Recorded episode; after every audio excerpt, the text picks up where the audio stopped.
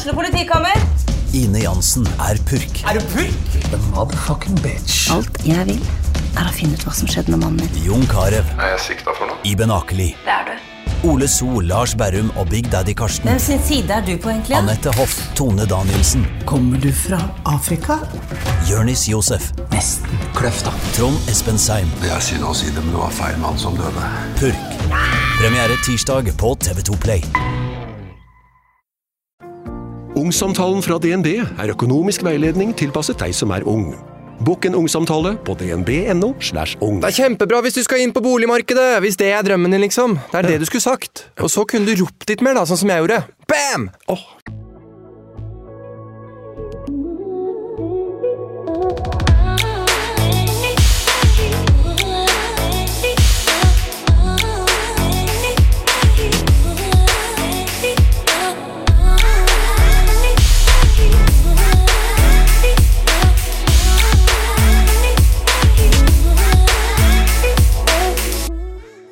Jeg hadde nettopp kommet til eh, den nye leiligheten min i Stockholm da jeg så at eh, en av mine nærmeste venninner hadde sendt meg en melding i en gruppechat. Hun hadde hatt bursdag et par dager i forveien, så jeg tenkte at eh, Eller jeg var helt sikker på at det var en bursdagsinvitasjon. Jeg fortsatte derfor å pakke ut av flytteeskene, og det var ikke før etter et par timer senere at jeg satte meg ned med telefonen. Jeg åpna gruppechatten og leste meldingen fra Benedicte. Meldingen som begynte Vi er på Haukeland sykehus i Bergen, på brannskadeavdelinga. Jeg og Lea ble frakta hit i natt med helikopter og ambulansefly, og Leifi kommer fly i dag. Jeg skulle av hele mitt hjerte ønske at det var en bursdagsinvitasjon. Dagen før de skulle reise ut med båten der ulykken skjedde, så var jeg på besøk. Jeg lekte med Lea. Hun fikk bursdagspresang, og hun syntes papiret var mye morsommere enn kjolen som var i pakka. Uka etter var eh, livet til Benedicte, Lea og Leif Christian snudd opp og ned. Lea var eh, alvorlig brannskada, og det som skulle være en magisk båtferie, ble til et helvete på brannskadeavdelinga på Haukeland sykehus. I dagens episode treffer jeg Benedicte for første gang siden ulykken, og hun forteller om alt som skjedde. Vi eh, ler, vi gråter, og vi prater om kanskje det tøffeste Benedicte noen gang kommer til å gjennomgå. Hvordan er det å være mamma i en eh, sånn situasjon? Hvordan håndterer man alle følelsene og tankene? Hvordan går man videre? Jeg skal være helt ærlig og si at det er eh, ganske tøft å høre sin egen venninne fortelle om da hun sto på Haukeland sykehus og så ut vinduet og nedover etasjene og lurte på om hun like gjerne bare skulle hoppe. May it be an evening star shines down upon you. May it be when darkness falls, your heart will be true. You walk Vi eh, hadde jo av korona fått utsatt mange av feriene våre, som sikkert veldig mange av resten av Norge, holdt jeg på å si. Eh, valgte å kjøpe en båt. Det her skulle jo bli vår første sommer med baby. Det skulle bare være oss, familien, på tur. Vi hadde hatt sinnssykt mange fine helger, egentlig hele april og mai og juni. og så kom juli, og vi feirer bursdagen hennes, og så var jeg så smart at jeg hadde prøvd å leie ut huset på Airbnb. Eh, og da var det sånn, da måtte vi jo dra. Så vi kaster oss tilbake inn i båten, og så stikker vi mot Sørlandet. Og jeg har jo alltid vært veldig glad i å reise utenlands, ikke sett eh, noe av Norge, egentlig.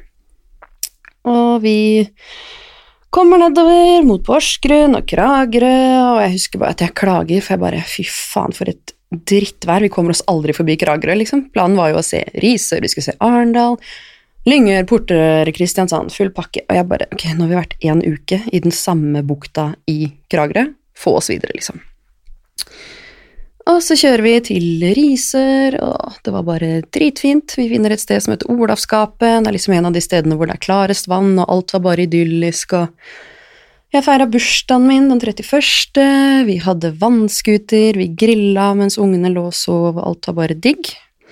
Eh, Vi reiste jo flere stykker på tur, og eh, ja, det var egentlig bare god stemning. Det var flere barn der, og flere barn under to år, Eh, så Lea hadde jo noen venner å leke med, alt var egentlig bare fint.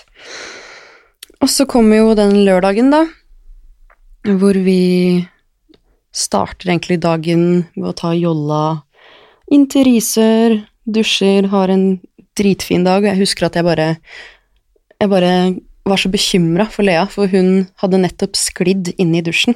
Hun hadde dusja med Leif, kjæresten min. Så hadde jeg sklidd i dusjen og skalla hodet sitt, og jeg var bare Å, fy fader. Det der må Altså, mammahjertet mitt var bare helt knust over at noe sånt kunne skje. Og så tok jeg henne ut av dusjen og bare 'Jeg skal passe på deg mens pappa dusjer videre', og vi går rundt og leker litt i fontena, og eneste jeg tenker på er ok, hun har ikke Altså, hun gikk jo barbeint. Det er sikkert glatt i fontena, tenk med tryner, jeg tok henne vekk fra fontena og tenkte ok, vi skal ikke utsette oss for noen farer etter at hun har tryna i dusjen. Det holdt, liksom, den dagen. Og så går vi bort ved brygga, og så ser vi at eh, de lokale dykkerne der, de eh, hadde Jeg vet ikke om det er vanlig, men eh, på lørdager klokka to så kunne du få gratis krabber, da. Så vi tenkte ja, ok, da spiser vi krabber i kveld. Så vi gikk dit og ordna oss en svær bærepose med nykokte krabber. og Kjøpte loff og dill og full pakke og tenkte ja, nå skal vi ha en kald, deilig sjømatsmiddag, liksom. Kommer tilbake igjen til båten, klokka nærmer seg vel halv seks. Og så sitter vi jo der. Jeg har rensa krabbene, eller holder vel på med det. Kamskjellet og spekeskinka er stekt, alt er lina opp, alt ligger på bordet. Jeg har tatt bilder til Instagrammen min. Det var bare skikkelig idyllisk, dritfint vær. Maten var liksom det mest luksus vi hadde spist på alle de ukene vi hadde vært på sjøen. Alt var bare liksom skikkelig tilrettelagt for at det her skulle bli en bra kveld. Eh, kvelden før, som sagt, var bursdagen min, og den var jo ikke så bra. Vi starta jo da, som sagt, dagen med å leie vannskuter, og ting gikk litt sånn smått til helvete. Vi skulle ha besøk av noen venner, og kjæresten min hadde jo de på bak, altså to venner av meg hadde de bak på vannskuteren, så de hvelva jo. Så sånn ble jo bursdagen min ødelagt. Så vi tenkte ok, da tar vi igjen bursdagen min på lørdag. Så vi sitter her da og lager mat, og kjæresten min snur seg jo bak i båten for å skru sammen eh, barnestolen. Jeg er litt usikker på hva jeg driver med. Jeg trodde at jeg satt og rensa krabber, men jeg har fått hørt i ettertid at jeg satt og jobba. Jeg er ikke helt sikker. Jeg satt i hvert fall eh, foran i båten. Um, og det var jo ingen farer på bordet. Det var jo Lea gikk rundt, og vi har jo alltid vært veldig nøye på at når hun er oppe i båten, så lager vi mat nede. Når hun er nede, lager vi mat oppe. Griller vi på land, så er hun i båten. Vi har jo henne aldri i nærheten av noe som er varmt. Jeg drikker jo til og med iskaffe i båten, for jeg vil ikke ha noe varmt der. Og vi sitter der og aner fred og ingen fare, og så hører vi et smell og et hyl, og skjønner jo ingenting. Så snur jeg meg, og der ligger jo Lea opp ned. Hun er klissvåt, og hun hyler. Hun hyler som de videoene du ser på Facebook hvor grisene blir kjørt til slakteriet. Og jeg skjønner jo hva som har skjedd, fordi det ligger jo pasta, sånn tortelliniputer utover hele gulvet, og vann. Jeg skjønner jo da at hun har fått en hel kjele med kokende vann over seg. Og da tenker man jo kanskje Hva skal jeg gjøre nå? Skal jeg ringe 113? Altså, hva gjør man? Um, jeg har alltid trodd at jeg har vært en freezer, for jeg har opplevd ting i fortida som bare har gjort at jeg ikke har sagt noe, ikke har gjort noe, jeg har ikke klart å rikke på en muskel. Jeg har bare stått der og latt ting skje med meg. Um, men nå var det akkurat som om jeg gikk på autopilot. Jeg kan ikke huske at jeg har lært noe om først, altså førstehjelp annet enn det lille man lærte i ammetåka på helsestasjonen, da, som egentlig bare er hvis ungen setter noe i halsen. Men jeg skriker jo da til samboeren min 'få den ungen i vannet', og kaster Lea over i armene hans mens jeg selv stuper ut i vannet, og tar imot Lea, og ligger der med henne i det 18 grader kalde vannet og skriker på hjelp på nabobåtene, og jeg ber noen ringe 113, og vi står bare der, og kjæresten min står på badeplattformen og holder nakken hennes sånn at hun ikke skal drukne, mens jeg ligger der og holder henne under ryggen. Og så sklir jo Hun hadde på seg en kjole, kjolen sklir opp. Og da ser jeg jo bare at huden eh, blir borte. Så huden bare ligger igjen i vannet oppå hendene mine. Og så får vi henne Kjøler henne ned, men vi har ikke gjort det før, vi vet ikke hva vi skal gjøre.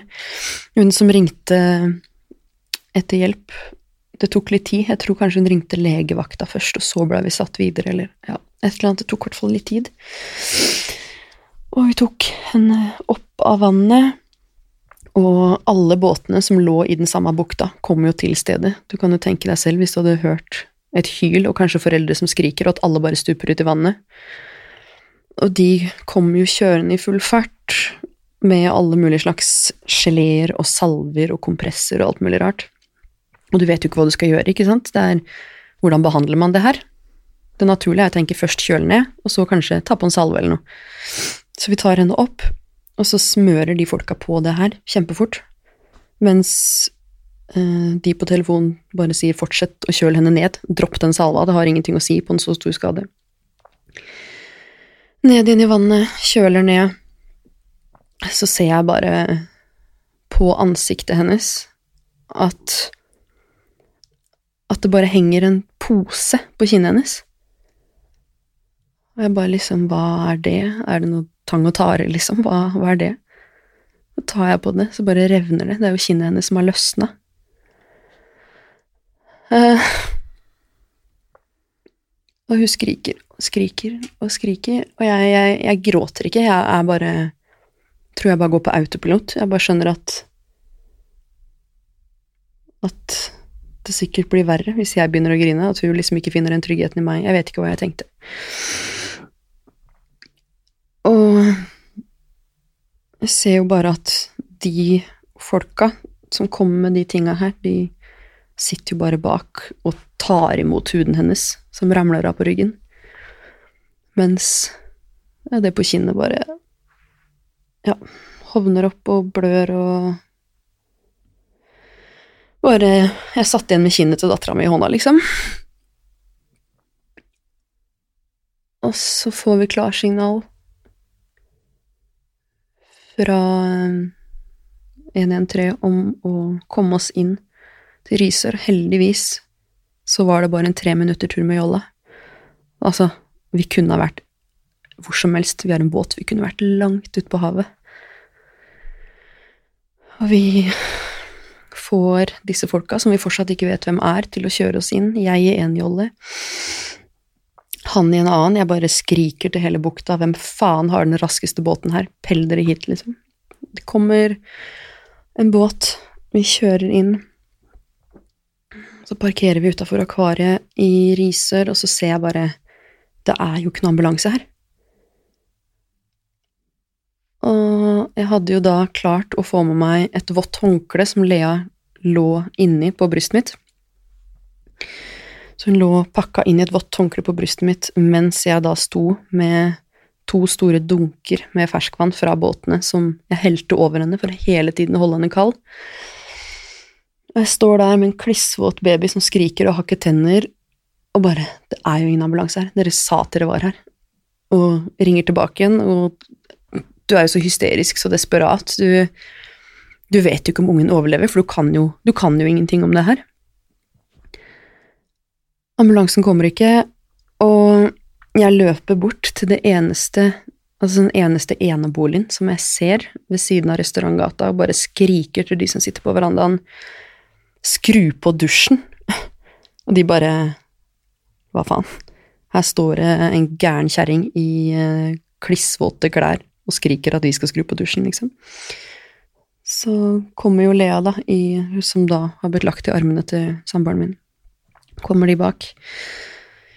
Og da skjønner de jo hva som skjer, så de løper jo inn for å skru på dusjen, men da kommer jo heldigvis ambulansen. Og så sitter vi jo der, blir kasta inn i ambulansen alle sammen. Mens de gjør det de kan, da. Førstehjelp. Jeg har jo lært i ettertid at det er jo nesten ingen andre enn Haukeland som kan noen ting om brannskader i det landet her. Så de gjør jo det de kan hvilket er å pakke inn i en eller annen skumgummivest med noe geléer på. Og hun bare gråter og skriker, og hun skriker og skriker, og det, jeg, jeg, klarer ikke å se på henne, jeg bare stirrer inn i øynene, jeg bare, jeg kan ikke flytte blikket mitt til kinnet hennes, til skuldrene, til ryggen, for da, da kommer jeg til å knekke sammen, jeg kan, jeg kan ikke se på det. Jeg bare stirrer på henne og synger nattasangen hennes og sier at det går bra. Og så legger de henne på brystet mitt, og vi blir lagt på båre. Uh, og så blir vi kjørt opp til en fotballbane eller noe i Risør. Men uh, samboeren min fikk jo ikke lov å være med, for det var ikke plass til han i ambulansen, så jeg ligger jo der aleine med Lea på fanget. Så kommer vi opp dit, og uh, luftambulansen står jo der og venter. Og de finner jo da ut at kroppstemperaturen hennes er på 34,5. Og da har man jo nærmer seg hypotermi, og ja, da var det plutselig nye farer som dukka opp, og jeg bare nå, nå har jeg gjort det helt feil, jeg burde ikke kasta henne i det kalde vannet, jeg satt bare og tenkte liksom, hva er det jeg har gjort? De legger meg inn i luftambulansen med Lea oppå meg, og hun har fortsatt ikke fått noe smertestillende, du kan tenke deg hvor vondt hun har hatt det. Men når hun kom tilbake igjen på brystet mitt, og vi lå i den luftambulansen, vi ble pakka inn i bobleplast for at varmen min skulle reflektere på henne Hun slutta å gråte. Og da var jeg bare sånn helt urolig, bare få Altså bare 'Det skal gå bra', og synger til henne, og liksom tenker ikke over hva som har skjedd. Jeg bare Jeg vet ikke, bare handler. Ti minutter senere så blir vi jo rusha inn på akuttmottaket i Arendal. Og da har jeg jo ikke vært separert fra Lea på de ja, si 40 minuttene, da, det tok fra det skjedde og til vi var på Arendal. Og når hun da blir tatt av brystet mitt og lagt på en egen båre, og jeg blir satt inn i et hjørne hvor det står Jeg tror jeg telte til ja, 27 leger og bleiere som sto rundt da. Og jeg da sitter i det hjørnet, og jeg ser at hun mest sannsynlig blir dopa ned, da, eller narkose, eller jeg vet ikke, men du ser liksom Du har hatt kontakt med henne hele veien. Så ser du bare at hun forsvinner, øynene bare lukker seg, og hun legger bare nakken til sida og ser død ut. Og da knekker jeg bare Jeg knekker så jævlig sammen at jeg Jeg tror jeg fikk et panikkanfall inne på akuttmottaket der. Jeg bare Jeg bare så for meg at jeg ikke kom til å ta med meg babyen min hjem igjen. At bare det her var slutten, liksom.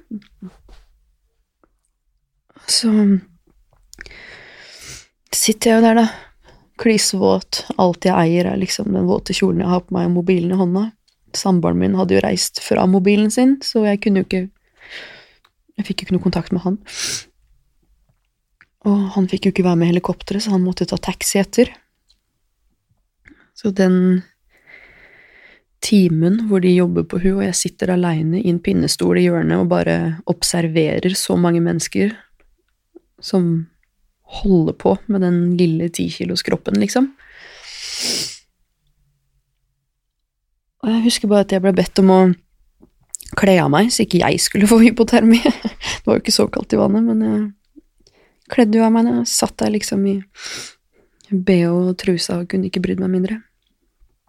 Og så husker jeg bare at jeg blir fortalt én ting som jeg tror redda meg litt i den situasjonen, og det er alle som er her nå, er her for å hjelpe dattera di, og for hver person som forlater rommet, så betyr det at en ting er utelukka. Så bare tenk på det. Hver gang noen forlater rommet, så betyr det at det er én mindre farlig ting å bekymre seg for. Det er jo da det eneste jeg klarer å fokusere på, er ok, jeg sitter jo bare og teller hvor mange mennesker er vi. Jeg teller alle som går ut, alle som kommer inn. Så ser jeg jo da at øh, radiolog og radiograf, og, altså røntgen, forsvinner.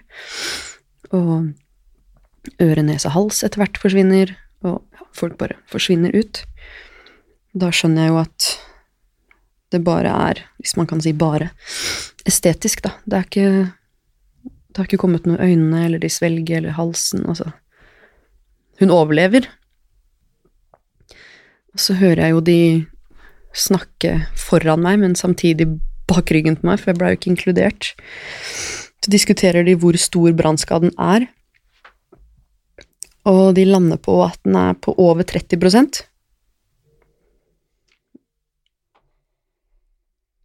Og ny runde med å knekke sammen og Bare tenke den lille babyhuden, hun er 13 måneder gammel, liksom.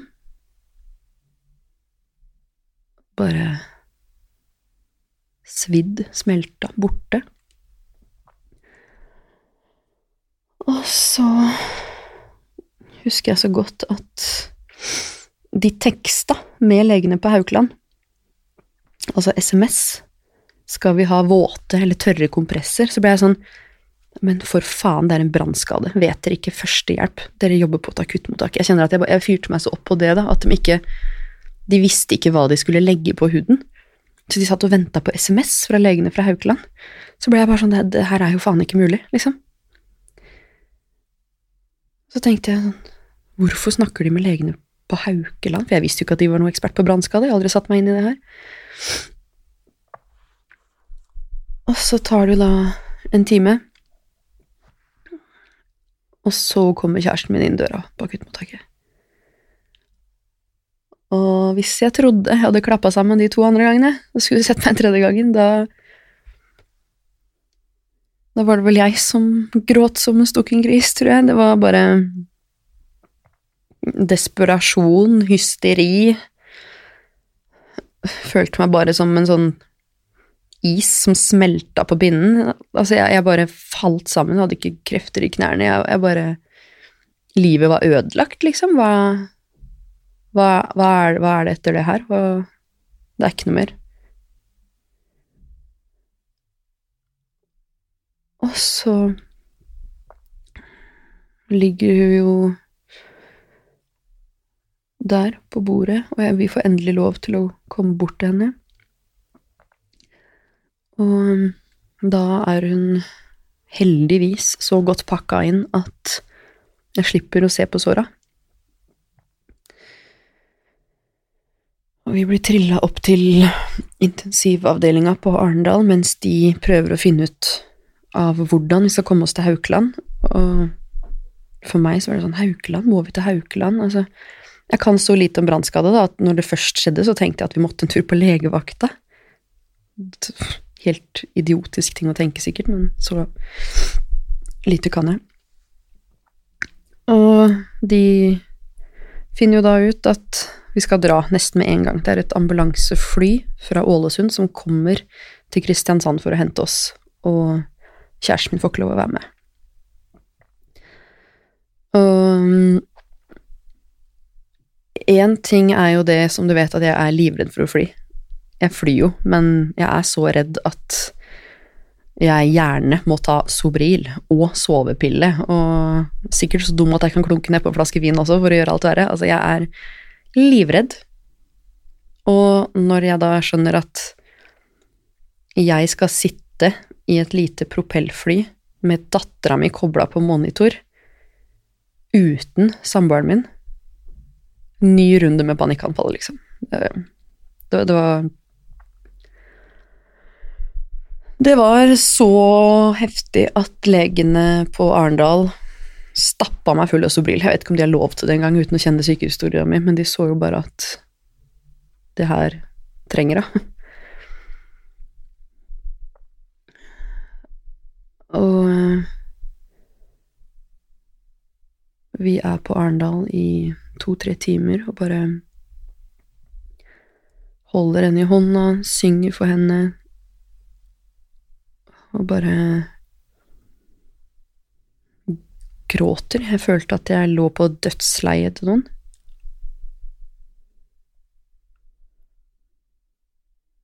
Så er det jo på tide å dra. Jeg eier jo ikke nåla i veggen, jeg har jo ikke pakka med meg noe. Det eneste jeg har, er mobilen min og den klissvåte kjolen. Jeg kom jo barbeint, så jeg fikk et par gule crocs og en sånn sykehusskjorte. Så sikkert ut som en eller annen mental pasient som hadde rømt. Men øh, vi blir da kjørt ned igjen og ut av bygget, ut av sykehuset, inn i en ambulanse. Jeg gir mobilen min til samboeren min, vi hadde jo ingen mulighet til å kommunisere.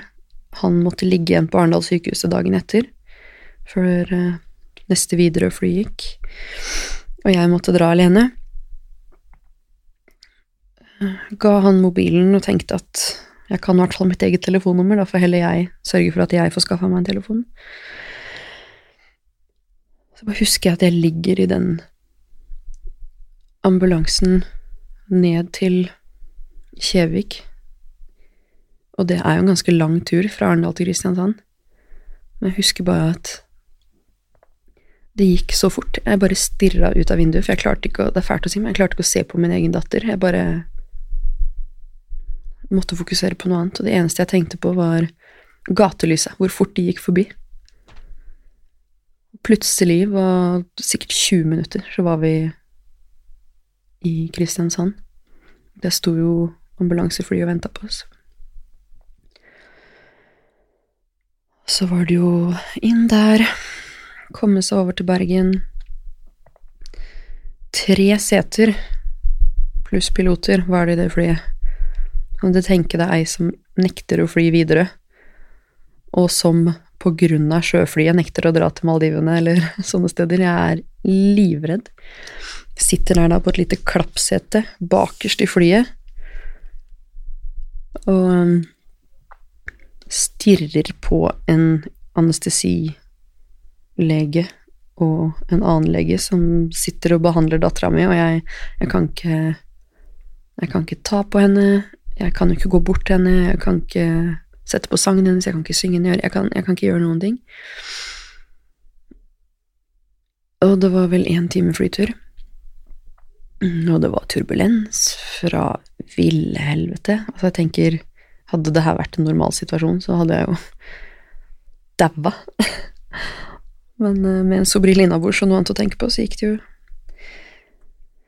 greit.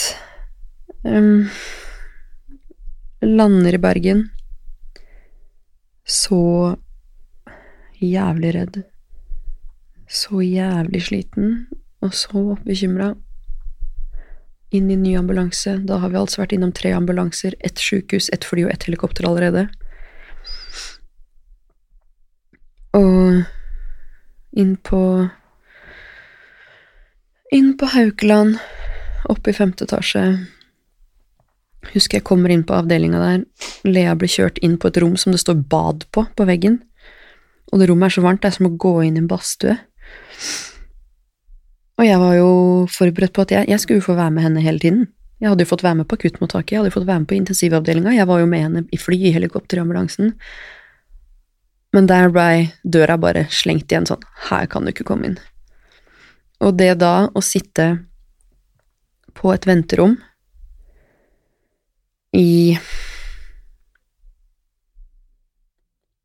Jeg tror kanskje det var ni timer. uten å kunne snakke med kjæresten sin. Og uten å kunne få noe trøst eller en klem eller noen ting. Uten å vite hvordan det gikk med henne. Eneste besøket jeg fikk på det rommet, var ei dame som kom og skulle teste meg for korona, og stakk en jævla bomullsdott langt ned i kjeften på meg. Jeg bare Ok, er det her That's it, liksom? Og da husker jeg at jeg sto Og så kikka jeg bare ut av vinduet, så kikker jeg ned, og så tenker jeg Er det høyt nok til at jeg dør hvis jeg hopper ut av vinduet her nå? Og jeg var bare Man sitter jo der da og krisemaksimerer selv om du sier 'dette går fint, dette går fint'. Så sitter man der og bare Men det går jo ikke fint. Det går ikke fint i det hele tatt. Og jeg bare la alle mulige planer for hva jeg skulle gjøre hvis det her ikke gikk bra. Altså, jeg er helt sikker på at Haukeland hadde jo kontroll, men det visste jo ikke jeg. Jeg kan jo ingenting om det her. Og så kommer det noen inn og sier at nå kan jeg se henne. Og da blir vi Eller da ble jeg guida inn på det rommet som skulle bli mitt hjem de tre neste ukene. Og der ser jeg jo babyen min med den lille babyhuden og de små tærne og fingrene ligge der, og det var omtrent bare tærne og fingrene som han så, for alt annet var i bandasje og netting.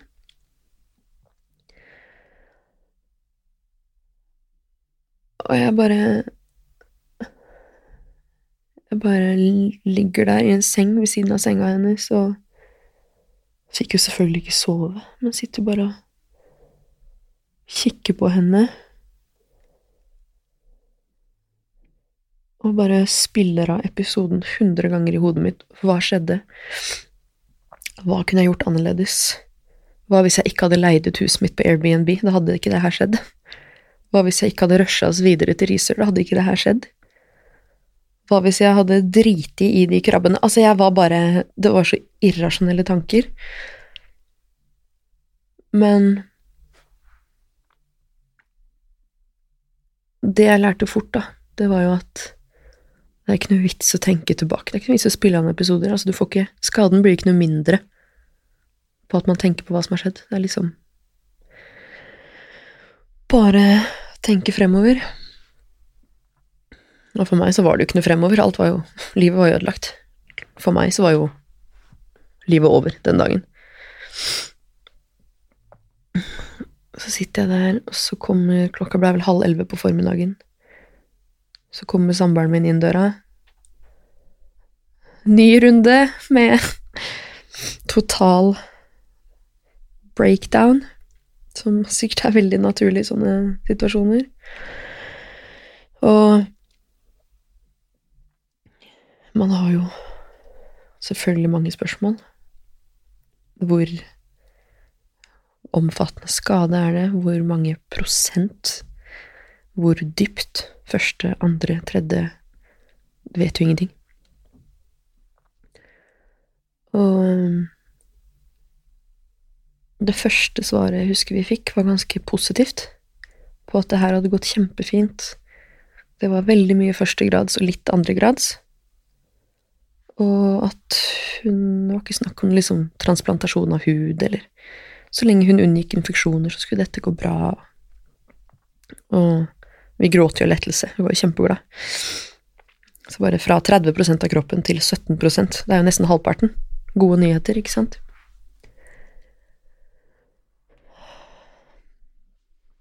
Så husker jeg bare første gang hun våkna etter narkosen, og hyl og skrik, sikkert enorme smerter.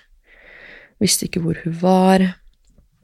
Jeg følte jo ikke De sa jo at jeg kunne løfte henne, men hun var jo så pakka inn, og jeg tenkte hvis jeg løfter henne nå, så løfter jeg jo henne i ryggen, og det er jo der hun har vondt. Jeg kan ikke Jeg, jeg kan ikke ta på. Jeg kan ikke løfte Altså, jeg kan ikke.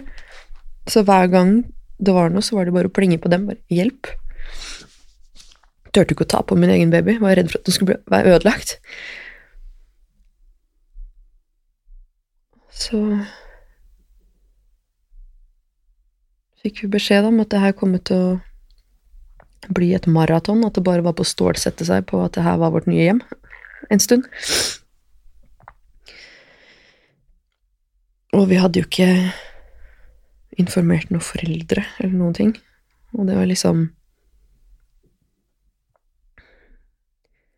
Den derre hvor langt nede du er selv, og så skal du sitte og tenke på at nå skal du ta en telefon som kommer til å skape så mye sorg og panikk at altså, vi, vi bare utsatte det og utsatte det og utsatte det. Og jeg ringte jo ingen. Kjæresten min ringte jo foreldrene sine først. Og så ringte mora hans til mora mi. Det var jo kjempedum måte for henne å få vite det på. Men uh, det har jeg fortsatt litt dårlig samvittighet for. Men jeg klarte bare ikke. Og så ringte jeg pappa og 'Hei, jenta mi, har du det bra på båttur?' Og så bare 'Nei, jeg har det egentlig ikke så bra'. 'Å, hva er det for noe nå?' Og han bare liksom 'Hva, har du satt tau i propellen? Har du krangla med kjæresten?' Ikke sant? Vi ligger på brannskadeavdelingen med Lea. I Bergen, liksom.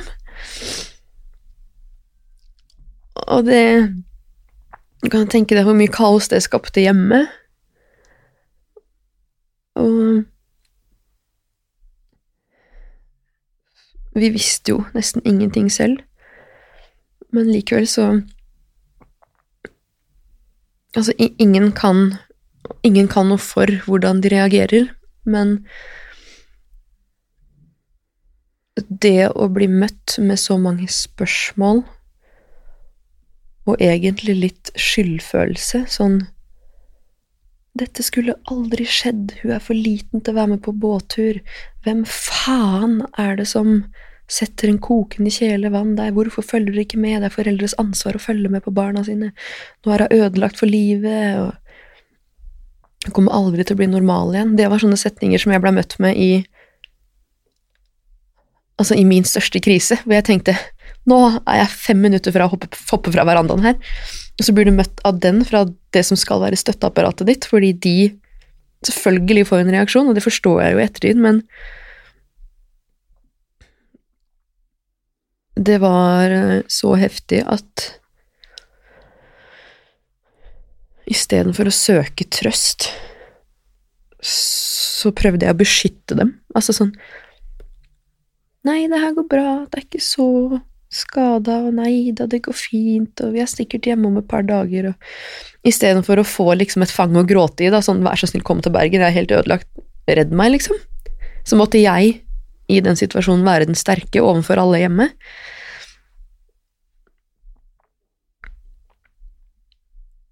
Og så husker jeg at jeg bare Jeg kan ikke prate med dere, jeg kan ikke prate med min egen familie. Jeg Støtteapparatet svikta, så jeg må, nå, er, nå er det bare meg og kjæresten min og Lea. Det er, det er bare oss nå. Og så fikk vi jo beskjed etter det første ordentlige sårstellet etter narkosen på akuttmottaket at det var ikke 17% det var 23 Det var ikke mye førstegrads, det var mye dyp andregrads. Og det blei transplantasjon. Så fra å være i helvete og nesten tilbake inn i himmelen, og så tilbake inn til helvete det, var bare en sånn Jeg følte meg som en sånn kasteball. Jeg bare Jeg gjorde ikke noe annet enn å henge over den senga hennes og gråte, og jeg var så sint. Jeg var så sint på meg selv, jeg var så sint på kjæresten min, jeg var så sint på telefonen min, jeg var så sint på krabbene, jeg var sint på båten, jeg var sint på alt.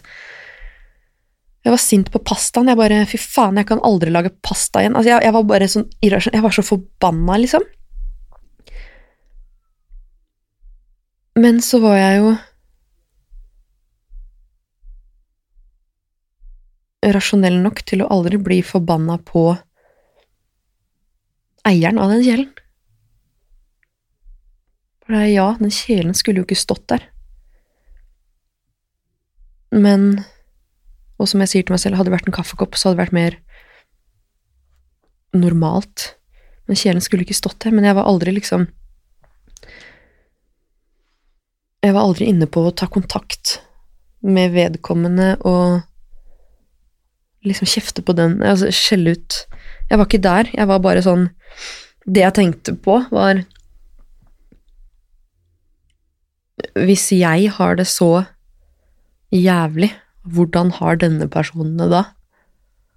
Så selv om jeg lå Jeg var så sint på alt mulig annet, men likevel liksom rasjonell nok til å skjønne at her, det er jo ingen som gjør noe sånt med vilje. Og så samtidig så tenker jeg hvor mye verre det hadde vært hvis det var jeg som hadde satt den kjelen der. Så sykt å si, så er jeg jo glad for det. Men det blei jo tre uker på Haukeland, da.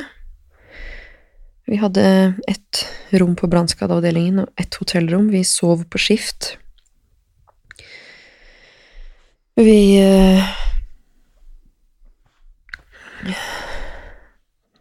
sov egentlig ikke. Men vi prøvde bare å komme oss gjennom det, mens vi samtidig beskytta de hjemme fra dårlige nyheter. Og eh, det var jo nok drama hjemme. Og så skjedde det jo noe som kanskje aldri burde skjedd, og det var jo det at eh, kollegaen min eh, misforsto meg.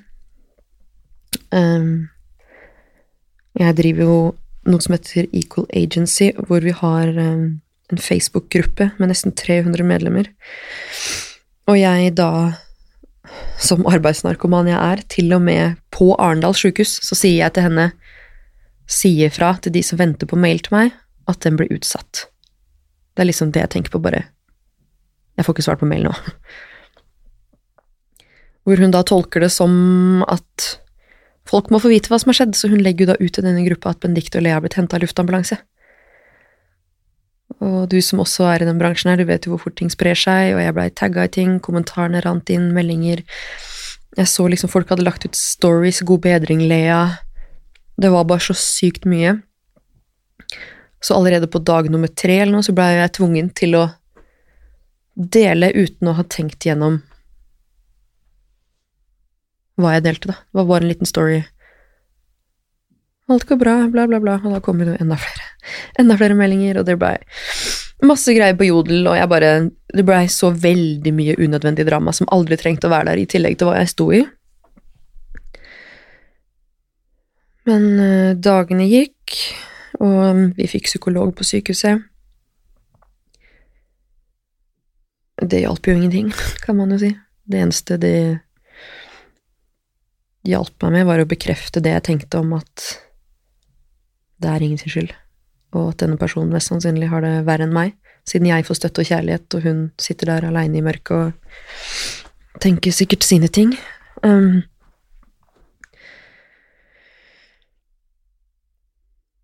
Og så går jo dagene, da. Og alt blir bedre dag for dag. De tar av mer og mer bandasje. Sår gror. Hun er oppe, hun løper rundt, hun smiler og danser igjen. Hun reagerer på YouTube-favorittene sine, danser og synger og er liksom helt med. Og nå tenker vi liksom det her går fint. Så kommer jo da det slaget i trynet da om at hun må på operasjonsbordet nå.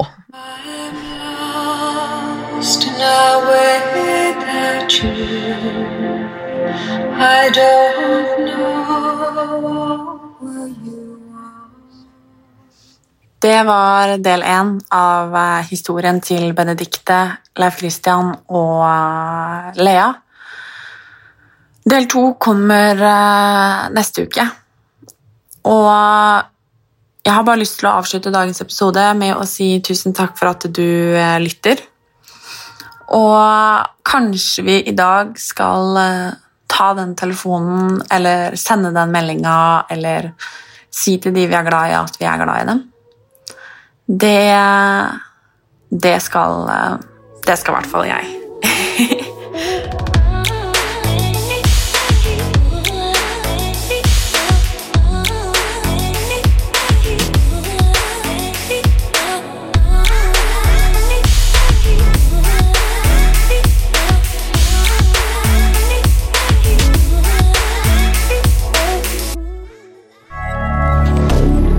moderne media.